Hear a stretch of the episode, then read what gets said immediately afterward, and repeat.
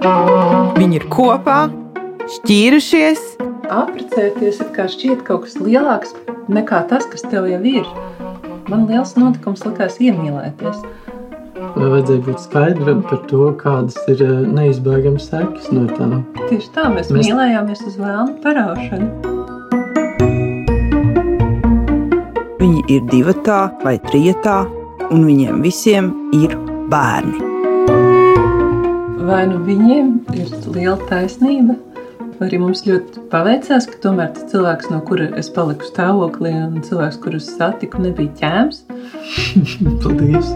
Es esmu Agra Lieģa Doleško, Mani sauc Marta Herca. un šis ir Latvijas radio podkāsts Normāla ģimene.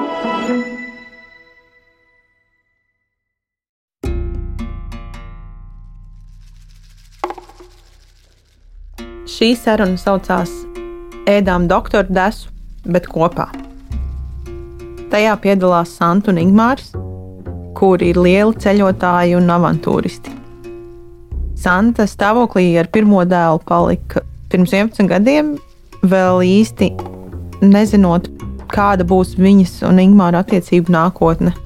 Viņi piedzīvoja lielas finansiālas grūtības, kuras nācās pārvarēt kopā, bet abiem vienmēr bija svarīgāk būt kopā ar pareizo cilvēku. Nu ko?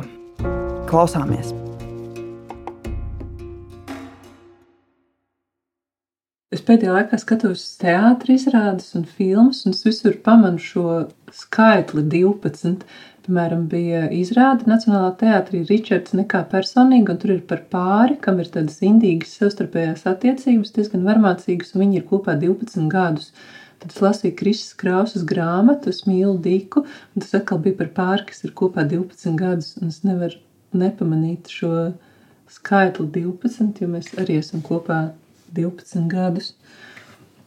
Bērniem ir divu gadu krīze, trīs gadu krīze. Es neko īsti nezinu par, par to, kad ir jāiestājas laulību krīzē. Bet šis pirmais gads, kad es pamanu kaut kādu ciparu, vispār pievēršu tam uzmanību, tas skaitās ilgs laiks. Mm, Jā, cilvēku mūža kontekstā droši vien. Nu, skatoties arī uz piemēriem, cik daudz cilvēku nodzīvo kopā, man liekas, ka tas ir varētu būt vairāk par vidējo, lai arī es nezinu. Mani vecāki nodzīvoja laikam mazāk par desmit gadiem kopā, bet viņiem iespējams vajadzēja šķirties jau stipri agrāk par to. Kāpēc tev tā liekas? Es tā saprotu vienkārši no tā, kas man ir stāstīts, ka viņu attiecības bija uh, nefunkcionālas jau, jau ilgāku laiku pirms šķiršanās. Tad kā es pats kā bērns nepamanīju neko tādu īsti. Es iespējams kā bērns arī nevarēju būt pietiekami vērīgs. Hmm. Tev pašam liekas, ka šis ir bijis ilgs laiks. Kādā ziņā ilgs? Ko, ko ko tas jautājums nozīmē? Es arī vienkārši nezinu. Es domāju, tad, kad grāmatā tur nu, kaut kur ir tas apgāvums, šie cilvēki ir kopā jau tur desmit gadus. Bet tev ir sajūta, ka mēs ar tevi esam ilgi kopā. Nu, tad, kad mēs sākām būt kopā, es nekādā veidā nevarēju garantēt, ka tas varētu būt tik ilgi. Jā, es Atskatoties šobrīd un uh, skatoties no tā, kā bija tad, kad mēs sākām būt kopā, tas ir vairāk nekā varēja liecināt aplēses. Uh, Bet pēc sajūtas man neliekas ilgi. Man liekas, vispār, jo vairāk laiks iet uz priekšu, jo, jo viņš uh, subjektīvi ātrāk kustās. Es tiksim, sākumā vispār nedevu mums ne gadu. Es nedomāju vispār tādās kategorijās, ka man ir kaut kāda apņemšanās būt ilgi kopā, vai ka mēs vispār varētu būt kopā. Es katrā, es nezinu, vai tu to zini. Tas, tiksim, arī gaidot bērnu, katrā tajā brīdī domāju, nu, ka tie scenāriji var būt visādi. Var gadīties, ka mēs nebūsim kopā. Un, Es esmu gatava šiem abiem variantiem. Nu, tad tā kā redzēs. Nē, tu man tā saki, vai es nezinu, vai tu to zini. Tas jau nav kas pārsteidzošs. Man jau kaut kā līdzīga arī bija. Mums jau nebija definēts nekas. Mēs vienkārši sākām dzīvot kopā uzreiz. Bet man liekas, ka tas ir tā, ka, nu, ja tu jau kaut kur tā noteikti dzīvo, un tev ir kaut kādi plāni dzīvē, kā tu redzi savu nākotni, tad varbūt tev arī ir jāveic šī vienošanās ar otru cilvēku. Mēs sākām diezgan tukšā vietā. Es biju tikko atbraukusi no ārzemēm, bez īstiem plāniem un skaidrības, ko es vispār šeit Latvijā daru. Un tu biji students. Jā, es tikko biju sācis jebko tādu, ko varētu dēvēt par pastāvīgu dzīvi. Patstāvīgi. Pastāvīgu. Es gribēju pateikt pareizo vārdu un uh, sajaucu. Nu, Jā, pagaidām, mēs- kad kaķis pēd vienkārši. Šis... Tas ir tik muļķīgi, ka viņš, ka viņš tieši tagad izlēma, un es nodrošināšu tādu klusumu, un tur tieši visvairāk dzirdams šorīt kaķis. Jā, nu, ne, ne tu, ne es. Mēs nebijām tik ļoti piesaistīti, piesīti kaut kam, ne pastāvīgam darbam, ne tādai īsti pastāvīgai dzīvesvietai.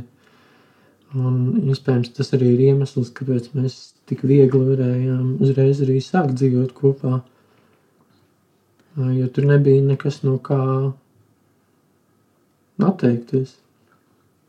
Jā, bet man liekas, ka es citādāk, es nemaz racionāli nevarētu pieņemt tādu lēmumu un, un izveikt visu šo vienošanos. Man šķiet, ka mēs tikai tāpēc arī esam kopā, ka mēs tajā brīdī jutāmies tik brīvi un atvērti vienkārši te pieredzē un Mhm. jebkam.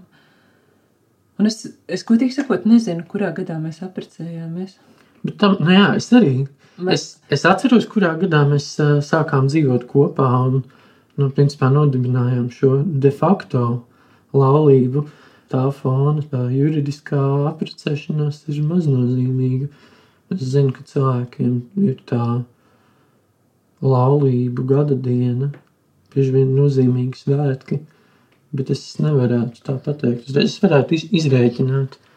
Vai arī tas, ka pats tas notikums, apprecēties, ir kā šķiet kaut kas lielāks nekā tas, kas tev jau ir. Man liels notikums likās iemīlēties. Man milzīgs vienkārši pacēlums bija viss tas laiks, Mm. kad ar katru brīdi tu saproti, ka tev otrs cilvēks ir arvien tuvāks. Un, un ka tur nav jautājums par to, ka es ar tevi draudzēšos, bet bērni mums kopā nebūs. Vai kaut kas tāds, kas reizēm parādās tur šiem draudzenei un draugam, kad viņi ir pāris un tad viņi runā par šiem jautājumiem. Un, uh, es nevaru iedomāties, ka man varētu kaut ko nozīmēt vēl kāds datums, izņemot to datumu, kad es tevi vienkārši satiku. Un tad nākamais lielais brīdis ir, kad uh, es paliku stāvoklī. Un ka mēs uzzinājām visu to un visu tie satraukumi, kas nāca kopā. Mēs reāli satikāmies augustā. Pirmo reizi skūpstījāmies augustā. Augusta beigās. Jā, novembrī manī jau iekšā bija bērniņš. Tas bija tieši tik uh, neprātīgi, it kā no vienas puses, ja seko kaut kādiem priekšrakstiem, kaut kādiem padomiem, kā būtu pareizi, bet man liekas, ka es nemaz citādākā veidā negribētu un loģiski šo lēmumu tikt pie bērna arī nepieņemtu. Man šķiet, ka kāzu brīdis ir vienkārši tas sākuma brīdis, nu tā kā romantiskā ziņā, ne, ne juridiskā. Mhm. Ja kopdzīves laiku pieņem kā kaut kādu kvalitātes mērauklu, un ja mēs varam piekrist, ka 12 gadi ir uh, daudz, kā tu skaidro šo jebkādas plānošanas trūkumu uh, ar, ar saistībā ar to. Jo es domāju, kāpēc cilvēki nu, kā tur izvērtē to un uh, izrunā savā starpā par to, kādas būs viņu attiecības, kur viņi nospraudīs eh, robežas, cik daudz viņi tās drīkst pārkāpt, vai kurā brīdī sāks dzīvot kopā. Un kāpēc tas tiek darīts? Lai nodrošinātos, ka tas būs stabili, vai Es tiešām nezinu, man ir divi varianti. Vai nu viņiem, tiem citiem, kas tā dara, ir liela taisnība, varbūt viņi ieiet tajā procesā, tajā maisaimniecības vai tajā ģimenes veidošanā, vairāk sagatavojušies nekā mēs, un varbūt viņiem pareizāks tas lēmums, vai arī mums, vai arī mums ļoti paveicās, ka tomēr tas cilvēks, no kura es paliku stāvoklī, un cilvēks, kurus satiku, nebija ķēms.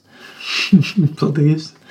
Jo tāda ir liela iespēja, jo skaidrs, ka tajā romantiskajā, rožainajā brīdī var būt, ka šādi intuitīvi, fizioloģiski, kaislīgi var pieņemt visneprātīgākos lēmumus, bet var gadīties, ka tu nepazīstot to cilvēku, tā uzsākt šo ciešo saikni ar uh, cilvēkam ir ļoti riebīgs raksturs, kurš ir bezatbildīgs un kur neinteresē tas pats. Mm. Tāpēc īstenībā jau kaut kādā ziņā varbūt ir labi, nu, jo mēs pirms tam bijām draugi, mēs bijām pazīstami. Tu biji cilvēks, kura klātbūtnē es jutos brīvi, labi, sakarīgi. Tā kā es zināju, ar ko es uzsāku šīs romantiskās attiecības, man nebija bail, vai es neusticētos. Tāpēc tur draudzība ir tā kā labs sākums bijis tam, kas pēkšņi pārvērtās tādās arī kaislīgākās jūtās. Tad tā varētu būt veiksme vienkārši. Es um, domāju arī nesen par to, skatoties žurnālu pierakstus. Un, um, es atcerējos to, ka es nebiju pieradis uh, būt atbildīgs, rīkoties uh, atbildīgi, rīkoties tā, it kā no manas rīcības būtu atkarīgi citi cilvēki. Tādā ziņā es biju kā bērns, diezgan infantīls. Man nebija īstas darba pieredzes arī. Domāju, darba pieredze ir tas, kas cilvēkus izmāca būt uh, atbildīgiem. Nebija nekādas tādas attiecības arī bijušas. Tu vienkārši meties nezināmajā. Mm, nē, nu, es domāju, ka tas varbūt nav labs veids, kā to pateikt, bet um, nācās mazliet iemācīties to, kā dzīvot kopā ar uh, citu cilvēku, kurš rēķinās ar mani. Tas bija būtiski arī tāpēc, ka mums tik agri bija bērns jau. Jo, nu, ja nebūtu bērns, tad jau droši vien arī, ja kaut kas tur būtu uh, pārāk uh, grūti un pārāk neērti, tad jau varbūt arī nesanāktu. Vienkārši būtu kaut kādi konflikti, un tas nebūtu ilgtspējīgi. Nu, man ir sajūta, Tas, tas ir muļķīgi. Nē, nu, es negribu arī nonākt pie tāda secinājuma, ka mēs esam palikuši kopā tikai tāpēc, ka bija bērns. Es gribēju būt kopā, neskatoties arī uz to, bet, lai būtu kopā, man bija jāiemācās būt bišķiņ citādākam. man arī negribētu teikt, ka mēs palikām kopā, tāpēc, ka bija bērns, bet bērns bija lielā mērā iemesls iepazīt tevi tuvāk kā cilvēku un tieši kā tavu spēju būt atbildīgam, rūpīgam. Man liekas, ka tas, kas man visvairāk varbūt fascinē sākumā, ir tava drosme, tā kā nenobaidīties, tavas reakcijas uz to, ka mēs uzzinājām šo faktu, ka es eh, gaidu bērnu. Mēs vispār bijām Islandē tajā brīdī divi cilvēki bez nekādiem tur eh, nopietniem plāniem un uh, Pat ja priekšā mums draudēja grūts laiks un daudz neziņas, ka tevī nebija šis nē, vai šaubas, vai ak, Dievs, ko mēs izdarījām un ko mēs tagad darīsim, kas man liekas, ir tāds vienkārši attiecību lauzējs. Es, piemēram, nevaru iedomāties, ka es būtu attiecībās ar cilvēku un situācijā, kurā es palieku stāvoklī, man uh, es saņemu no otra cilvēka šo noliegumu vai noraidījumu, un pēc tam turpināt ar viņu draudzēties. Man tas nešķiet reāli. Nu, viena lieta, es varbūt nekā īpaši nereaģēju. Kad es uzzināju, ka mums būs bērns, jo es gribēju būt tāds vēsts par to, bet otra lieta ir, kā, kā, kā, tieši, kā tieši es varētu būt pārsteigts par to, ja es, es zinu pamat līmenī, kā strādā bioloģija. Tā kā, hmm, Nu, tur jau tā kāds lieta. pārsteigums. Jā, mēs neizsargājāmies, un mēs pat uh, neapspriedām to. Jā, bet tā kā mēs to darījām, gan tev, gan man vajadzēja būt skaidram par to, kādas ir neizbēgamas sekas no tā. Tieši tā, mēs, Mēs- mēs... mīlējāmies uz vēlnu paraušanu. Jā, bet mēs arī nepārunājām to tā kā konceptuāli, vai ne? Tāpat kā mēs nepārunājām īsti par to, kā mēs tagad dzīvosim kopā un cik ilgi. Kā mēs nepārunājām daudz citas lietas, piemēram, kā mēs tiksim no Norvēģijas līdz Islandai un no kā mēs tur iztiksim. Bet man tas likās pats svarīgākais. Man nepatīk vārdos izteiktie lēmumi. Man viņi liekas tādi sadomāti. Un man šķiet, ka cilvēkiem ir attiecības, viņiem ir jāspēj kaut kā ļoti vienam uz otru paļauties un ļauties. Un man šķiet, ka tas sākums tieši tāpēc bija tik pārliecinošs un skaidrs un nešaubīgs arī man. Pirmkārt jau tas, ka mēs augusta beigās iepazināmies, un tu biji gatavs ar mani doties kopā ceļojumā, Mhm. ā, diezgan neparedzamā, bez naudas, ar maizi un speķi somā, un mēs nogājām diezgan lielu gabalu pa Norvēģiju un apmetāmies uz vairākiem mēnešiem Islandē, kuras piedalījos mākslas rezidencē, un tu biji gatavs nākt līdzi, un tas manī raisīja ļoti lielu uzticēšanos, jo kaut kāds tāds tas, tas ceļojuma plāns to bija iedevis.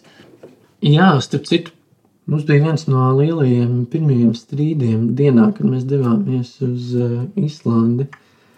Nezinu, vai tu atceries, bet nu, Tev sāpēja auss, tas, tas, ko es atceros. man sāpēja auss, bet uh, tu biji dusmīgi īstenībā arī par to, ka es uh, nebiju nekā īsti jēgpilni piedalījies ceļojuma plānošanā. Un man liekas, ka tev bija stress tajā dienā. Tev, principā, ir tāda tendence uh, stresa apstākļos salūst mazliet. Un, un tu, tu teici, ka es varu braukt viens pats, ka mēs varam tikai braukt atsevišķi. Tu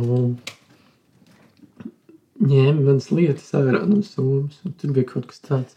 Mēs tajā pašā dienā salabām, protams, bet uh, tu- tur bija, Ā, tas ir tur, šausmīgi. tur, tur uh, parādījās šīs te dinamikas. Jā, man ir tagad kauns bišķiņ, bet, nu, es domāju, ka tādas epizodes ir arī atkārtojušās arī citreiz. Ar līdzīgiem cēloņiem.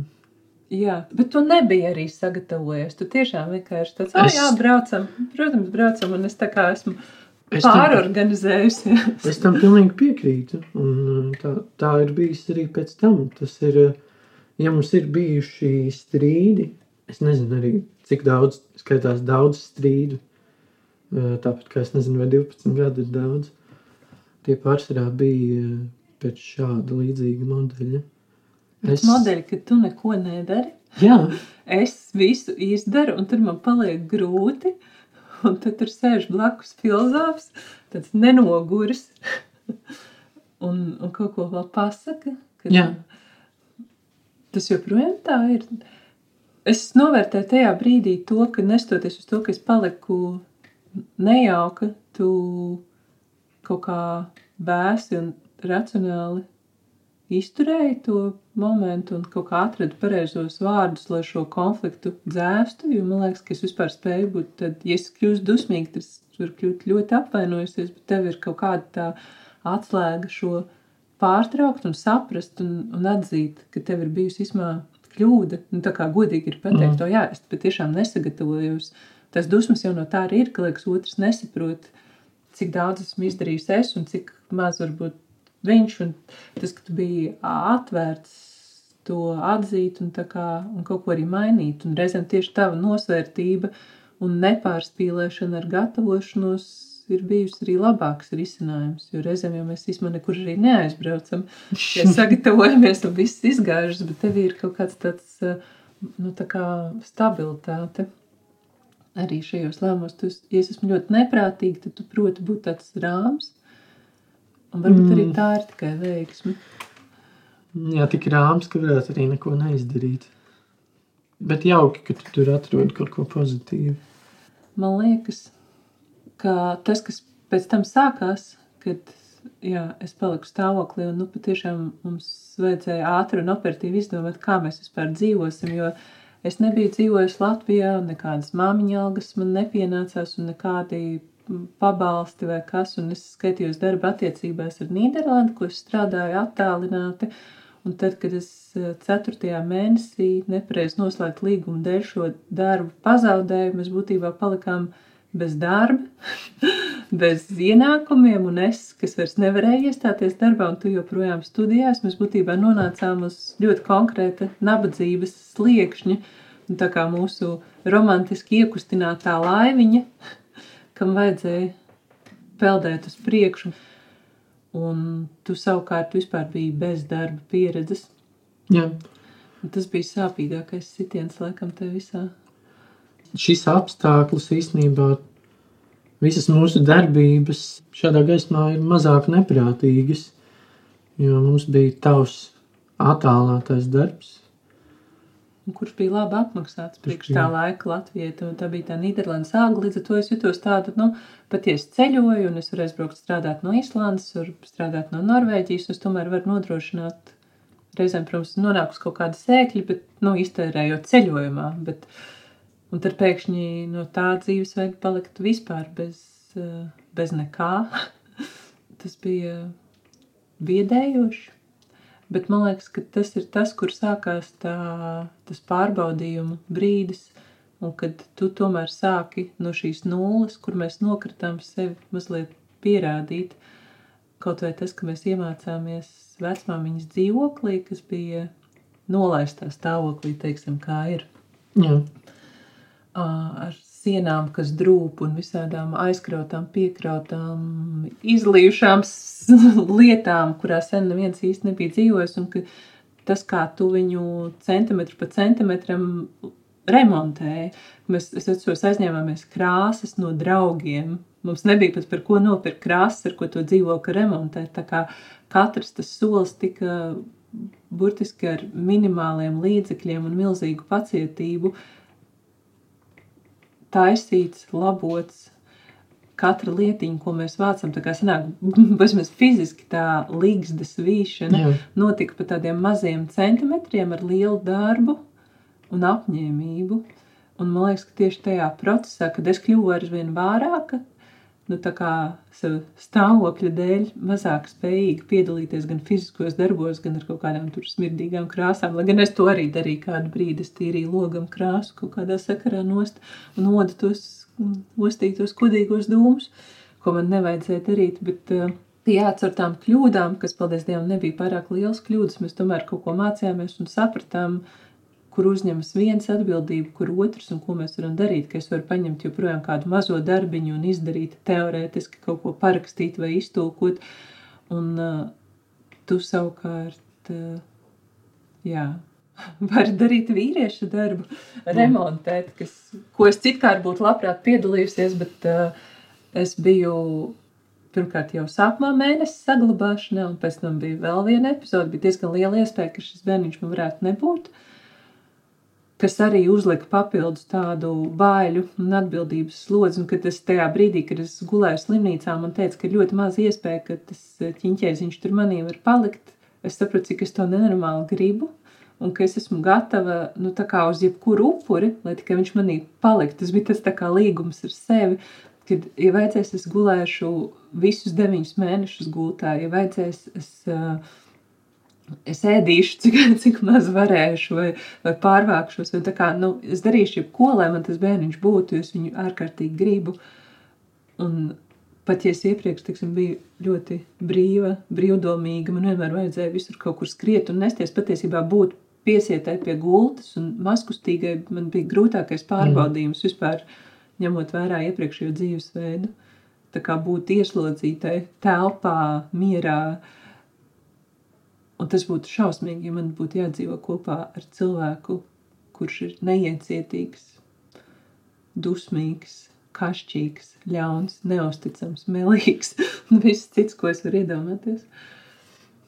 Nu, jā, to ar vien mazāk to varēja darīt. Un mums, protams, palīdzēja arī draugi ar to arī praktiski nedaudz. Bet uh, pa lielam es pamazām sakasīju to dzīvokli, dzīvojamā stāvoklī. Un tas prasīja daudz laika, jo tas bija tāds uh, DIY veids. Man nebija, protams, nekādas celtniecības pieredzes uh, kaut kā tāda. Tas vienkārši bija diena no dienas jāizdomā, kā ar ierobežotiem līdzekļiem un prasmēm to visu sataisīt. Bet man, protams, arī tagad tā pareiķinot trīs gadus, kopš tā brīža nebija nekāda pastāvīga darba. Es palīdzēju tev ar taviem tiem līguma darbiem, kaut kādiem Mm. arī nepārāk daudz. Un tad es varēju tajā laikā remontēt dzīvokli Un pieaugt un pieaugt. Un pabeigt savas studijas. Es nezinu, es šobrīd, kā atskatoties atpakaļ, nesaprotu īstenībā, kā mēs izdzīvojām. Nu, viens mums palīdzēja tas, ka tas bija vecmāmiņas dzīvoklis, tur mums tā kā nebija tā īri tik konkrēti, tur palika tikai komunālie. Un tas, ko mēs nevaram nenovērtēt, ir laikam draugi. Jā. Jo principā mēs dzīvojam, sanāk tā kā draugu komunā. Jā, tu pieminēji to. Tā ir vēl viena lieta, kas eh, padarīja grūtāku visu šo bēdu stāstu ar darba zaudēšanu. Un īsti bez vietas, kur dzīvot, ir tas, ka mums nebija tādu rādu, eh, izteikti rādu atbalsta. Nedaudz varbūt bija, bet, ja godīgi, ne tik daudz, kā es biju iztēlojies par to, kā tas varētu būt. Tad es atkal reizēm iedomājos, ka varbūt tas darbojas citādāk, ja tu spēlē pēc noteikumiem un taisi īstas kārtas, kurās tu ielūdz visas šīs mm. vecmāmiņas un vectētiņas. Un tas viņiem varbūt ir tāds simbolisks žests, kā parādīt, nu, ka te būs ģimene, bet nu, tur ir ieguvumi un tur ir zaudējumi. Es iespējams arī negribētu lielu radu iesaisti savā mazajā šūniņā, tāpēc pat gāja grūti. Es kaut kādā veidā novērtēju, ka mēs esam palikuši tur, kur mēs esam. Mm. Un uh, vēl viena lieta, kas man tagad ienāca prātā, ka jā, tas bija grūti, bet ja man vajadzētu racionāli pieņemt kaut kādu šo lēmumu, gatavoties ģimenes veidošanai un tāpēc pieņemt kaut kādu kompromisu darbu, lai nopelnītu māmiņu algu, nu es neesmu tāds cilvēks, die, diemžēl.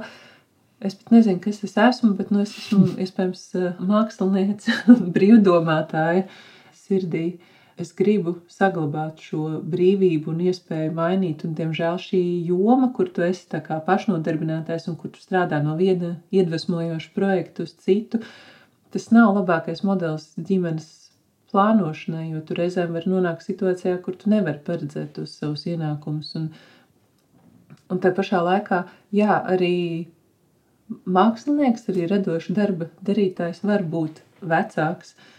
Tāpēc man liekas, svarīgi ir šie pašnodarbinātā arī kaut kāda darba apdrošināšana.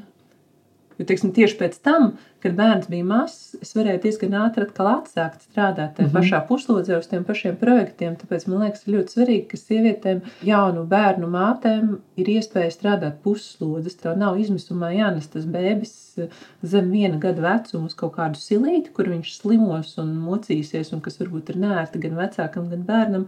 Ja tev ir šāda iespēja kaut ko darīt no mājas daļēji, tas ir labs veids, kā būt vecākam un strādāt un realizēties. Bet uh, pirmais gads pelnīt un uh, audzināt mazu bērnu, kurš zīda katru stundu un neguļ, tas bija pišķiņu uz ārprāt robežas. Mm.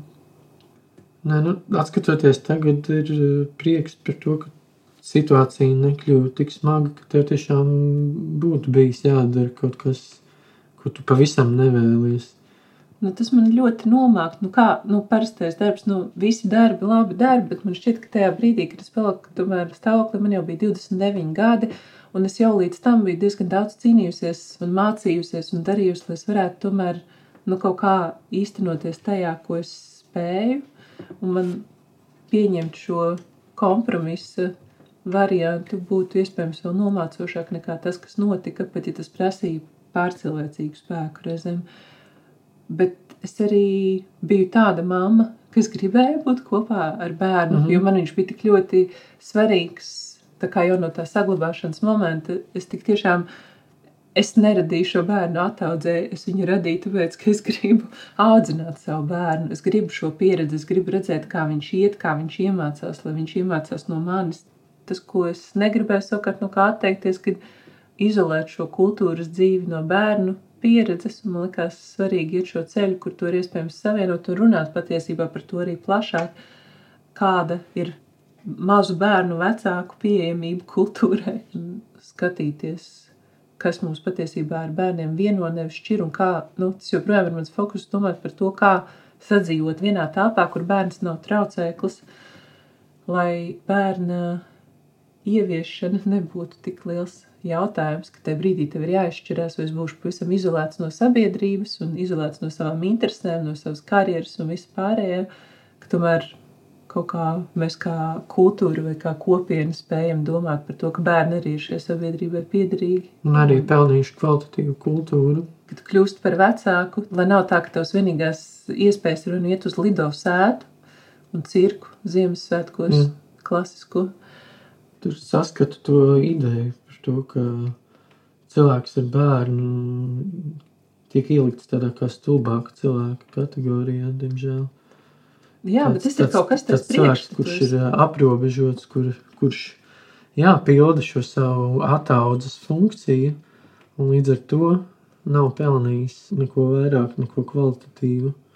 Tur kaut kā tiek uzturēts, man liekas, arī tāds aristokrātisma gars. Jo, acīm redzot, kā agrāk tie cilvēki, kas varēja atļauties gan bērnus, gan apmeklēt koncertus, bija tie, kam bija guvernantes un attiecīgs kaut kāds dzīves stils.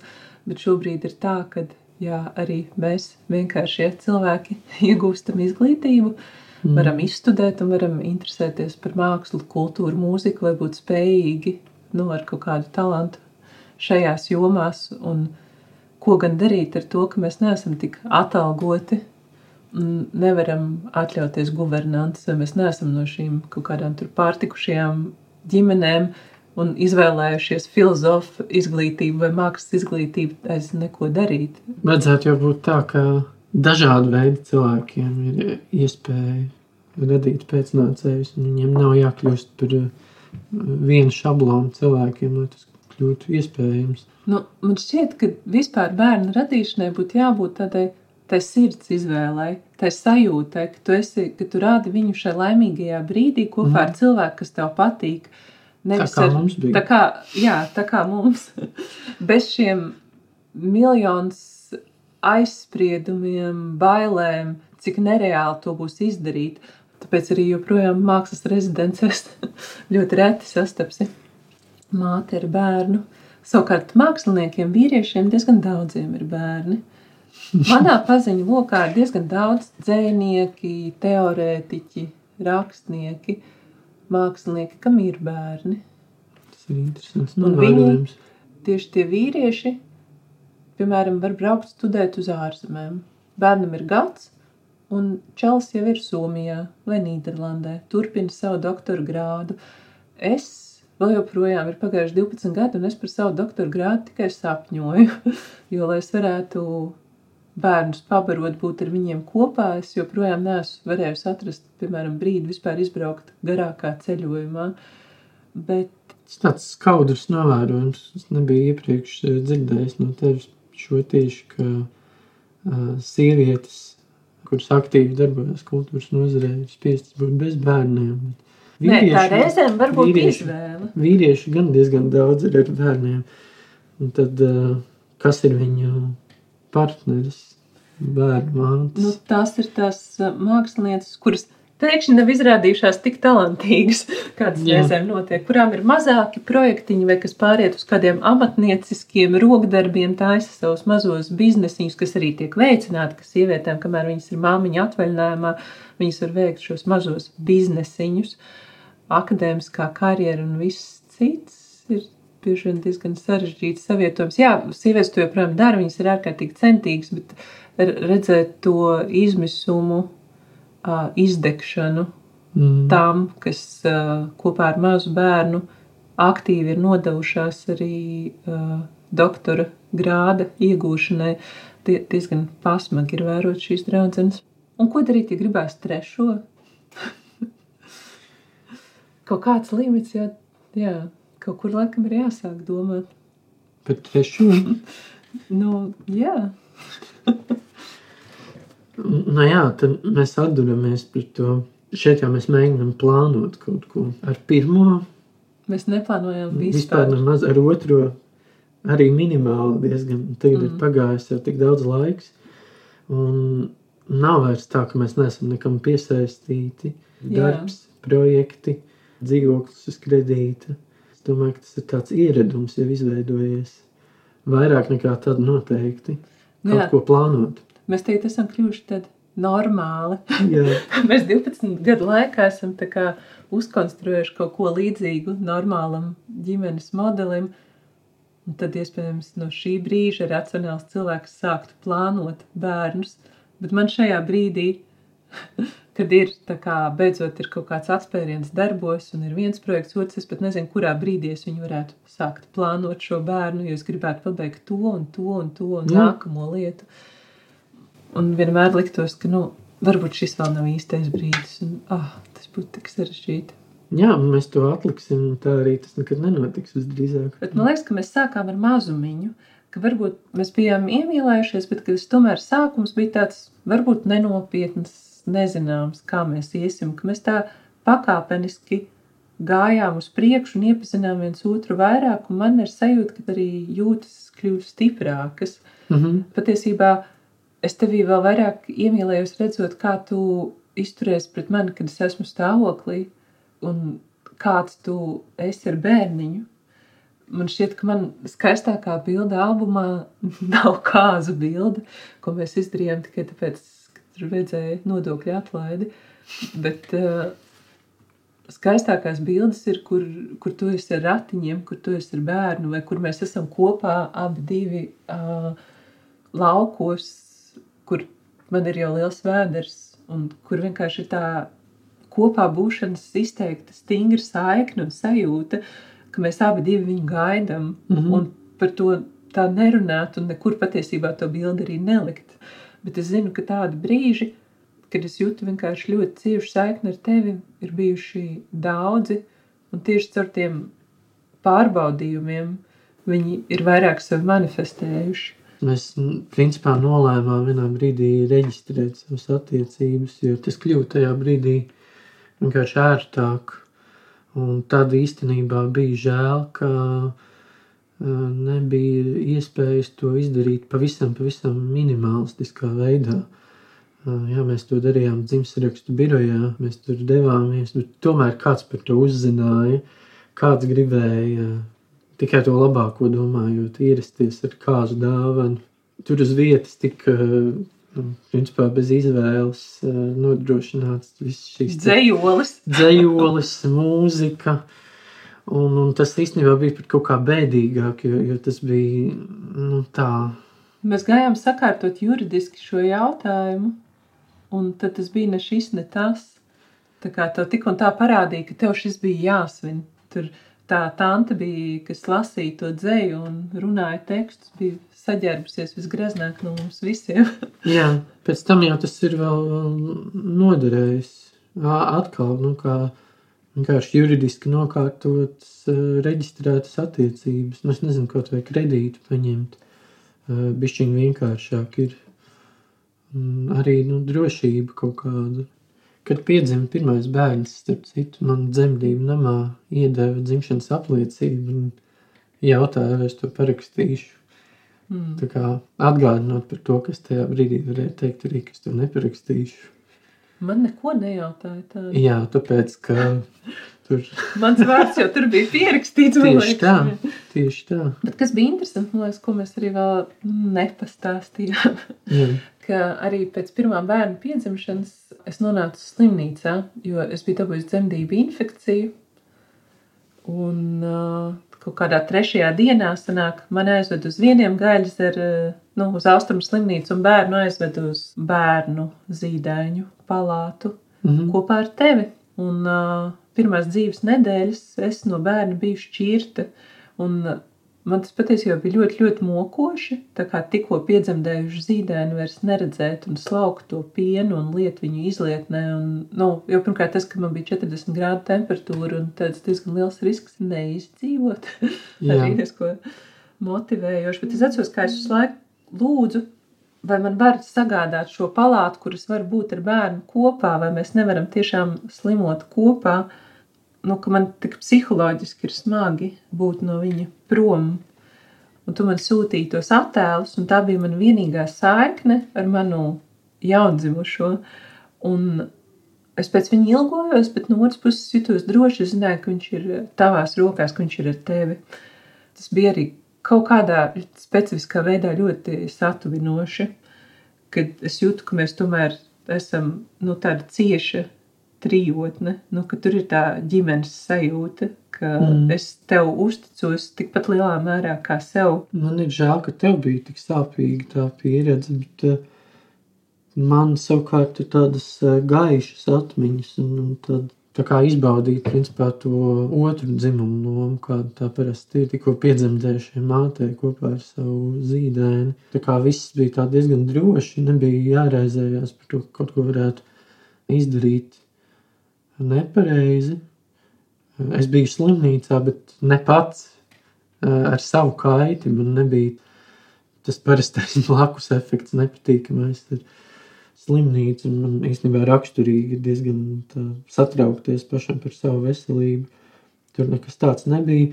Un tur bija tas bērniņš, un man viss, kas man bija jādara, man bija viņš vienkārši jāpabaro ar piena pudelīti, ko atnes noteiktos laikos, un tad jānomaina autiņš. Un uh, tas arī bija viss. Un es tur tā nedēļu laikam nodzīvoju. Man ļoti skauda tajā brīdī, kad es nevarēju būt ar viņu kopā. Nu, pēc tam smagajām dzemdībām, pēc visi tas gaišums, kam beidzot vajadzētu nākt, nu, ka tu vari vienkārši gulēt ar viņu blakus un viņu apbrīnot. Un man šķita, ka man ir atrauc kaut kas nu, ļoti, ļoti svarīgs.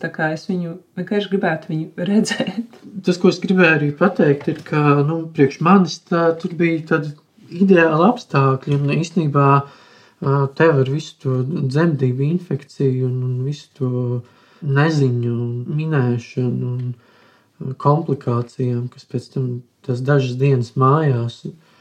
Tu biji pelnījusi kaut ko tādu, tu biji pelnījusi tādu ārstu uzmanību, sterilu vidi kopā ar bērnu, kurš par viņu parūpēties, un, un, un kur tev būtu cilvēki, kas tev patiešām ieinteresēti parāda un pastāsta, kā rīkoties. Vajadzēja būt eh, harmoniski priekš tevis. Jā, man bija ideāli apstākļi, kuros izdzīvot, un kuros paldies cilvēkiem, kas izglāba dzīvību. Jo senākos laikos pie citiem medicīnas apstākļiem dzemdētājs pie infekcijām mēdza, mēdza neturpināt dzīvi. Mm. Um, tādā ziņā jā, mūsdienu medicīna man ir uzdāvinājusi šo iespēju redzēt bērnus. Paldies, mūsdienu medicīna. Jā.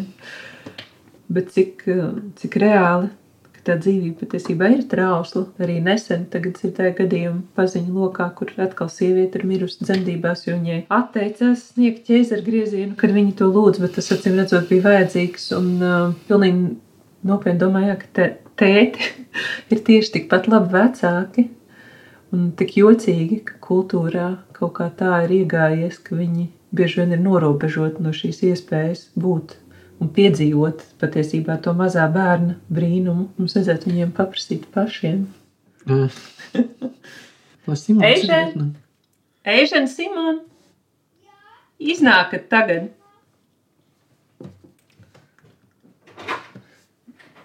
Mēs sarunu gandrīz beidzam, mums ir jautājums tev. Jā. Simons arī var atnākt, varbūt. Simon, atnāc! Kā teiksim, būtu, ja tev būtu audzinājis tētis, vai tev patīk pavadīt laiku ar tēti? Jā. Jā. Tā, tā es varu izaugt bišķi citādāk, cilvēku personības var būt mazliet agresīvāks. Kāpēc tev liekas, ka tu būtu agresīvāks? Es nezinu, bieži vien es gogo. Bet tu jau zini, ka tad, kad tu biji maziņš bēbītis, tev tieši tētis pieskatīja sākumā pirmās nedēļas. Jā, bet bērn, tad, kad tu esi bērnītis, tad neko gandrīz neuztver. Bet tev ir tiksim atšķirība, ar kuru tu paliec mājās? Mazliet, pišķi citādāk. Jā, domā, ja es esmu tevi, tad tas ir tā relaksējuši un mierīgi, bet ja es tevi, tad tas ir vairāk tā kā ar jokiem un tā. Mm. Vai arī teicis vienkārši noguris un, nekas nav. Ok, tomēr ir atšķirības.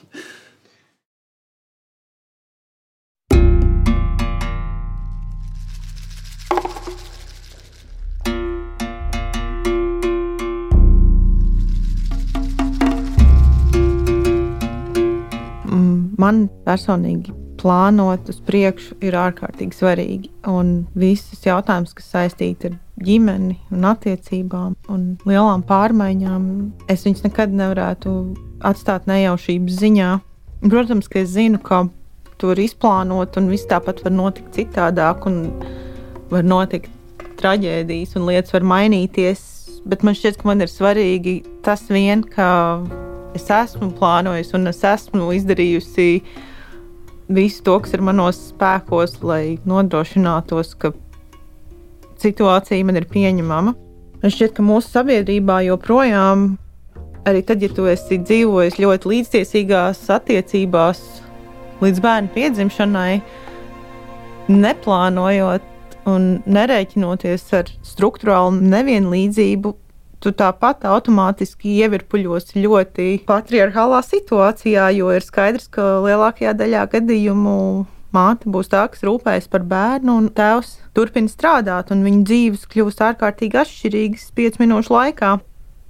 Es zinu, ka Ingūram un Santai tas bija pavisam citādāk, jo tur droši vien visstrakākais bija tas, ka nevienam nebija darba, un visiem bija jādara viss, un tādos ļoti smagos apstākļos.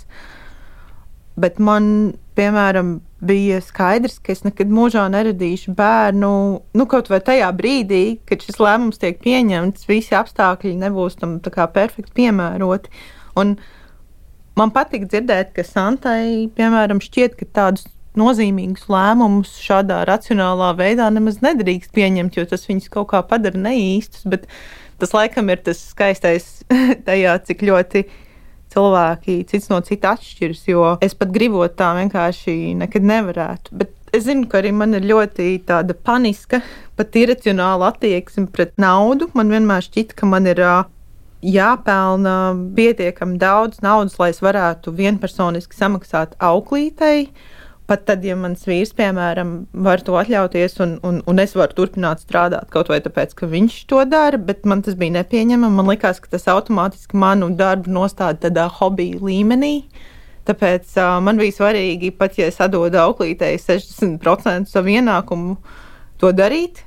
Un jāatzīst, ka šīs varbūt iekšējās problēmas es joprojām neesmu atrisinājis. Es vienkārši strādāju vairāk un pelnu nedaudz vairāk, un viņas var mazliet paslaucīt zem tepiņa kā šādas lielas spriedzes apstākļos tu esi nonākusi pie lēmuma dzemdēt vēlreiz? Jā, mēs jau iepriekš kaut kad šķiet, runājām par to, cik iracionāli man šķiet kopumā bērnu dzemdēšana un ideja par to, ka tev vajadzētu bērnu, bet uh, praktisko pusi es sakārtoju arī šoreiz. Mums ir auklīte, kura apsolīja, apzvērēja, ka viņa ar mums paliks un būs uzreiz jau no tā brīža, kad otrs bērns būs piedzimis. Es pelnu mazliet vairāk, es viņai joprojām varu samaksāt. Es esmu izdomājusi, kurus darbus es turpināšu darīt arī pirmajos nākamā bērna dzīves mēnešos. Un uh, es nešaubos, ka es atkal iekūliņošu ar galvu priekšu pilnīgā neprātā, tāpat kā tas notika pirmajā reizē. Bet jā, es esmu vismaz par praktisko pusi parūpējusies, un es ceru, ka varbūt tas neprāts būs nedaudz mazāks, jo ar pirmo bērnu tu tiešām nezini, kuras lietas ir pilnīgi normālas un kuras ir katastrofa un jāsauc ātrā palīdzība. Es ceru, ka vismaz kaut kādu spriedzi tā pirmā pieredze būs jau noņēmusi. Es savukārt varu piebilst par plānošanu. Es domāju, paldies Dievam, ka mums ar Lindu dabīgā veidā nevar būt bērni. Viņi nevar kā pēkšņi parādīties. Es tā domāju par tiem pirmajiem kopdzīves gadiem. Nu, tie ir bijuši tiešām nu, vaiprātīgi visādā ziņā. Es ļoti varēju identificēties ar to, ko Santa un Ingūna apraksta savās attiecībās. Jā, nu tā iemīlēšanās ir tiešām traka. Par to, ka nekas nevar apturēt jūsu seksu, pat tad, ja jums nav nekādu aizsargāšanas līdzekļu pieejami. Jā, bet viņu gadījumā bija tā, ka viņi nu, tīšprāt neko nedarīja lietas labā, lai nepaliktu stāvoklī. Tik interesanti. Man liekas, ka tā var gadīties jebkuram tādā trakā attiecību sākumā, nu, kuram tas bioloģiski, diemžēl, ir iespējams. Jā, tieši tā, vēlreiz paldies Dievam, ka mēs nevarējām nejauši palikt stāvoklī. Nākamajā sarunā dzirdēsim Māri un Rutu. Viņi ir ļoti nopietni profesionāļi, kas atšķirībā no Santas un Ingūna visu izplānojuši līdz pēdējiem sīkumam, un noteikti nevēlējās atkārtot savu vecāku kļūdas. Vai esat gatavi nākamajai sarunai? Aiziet!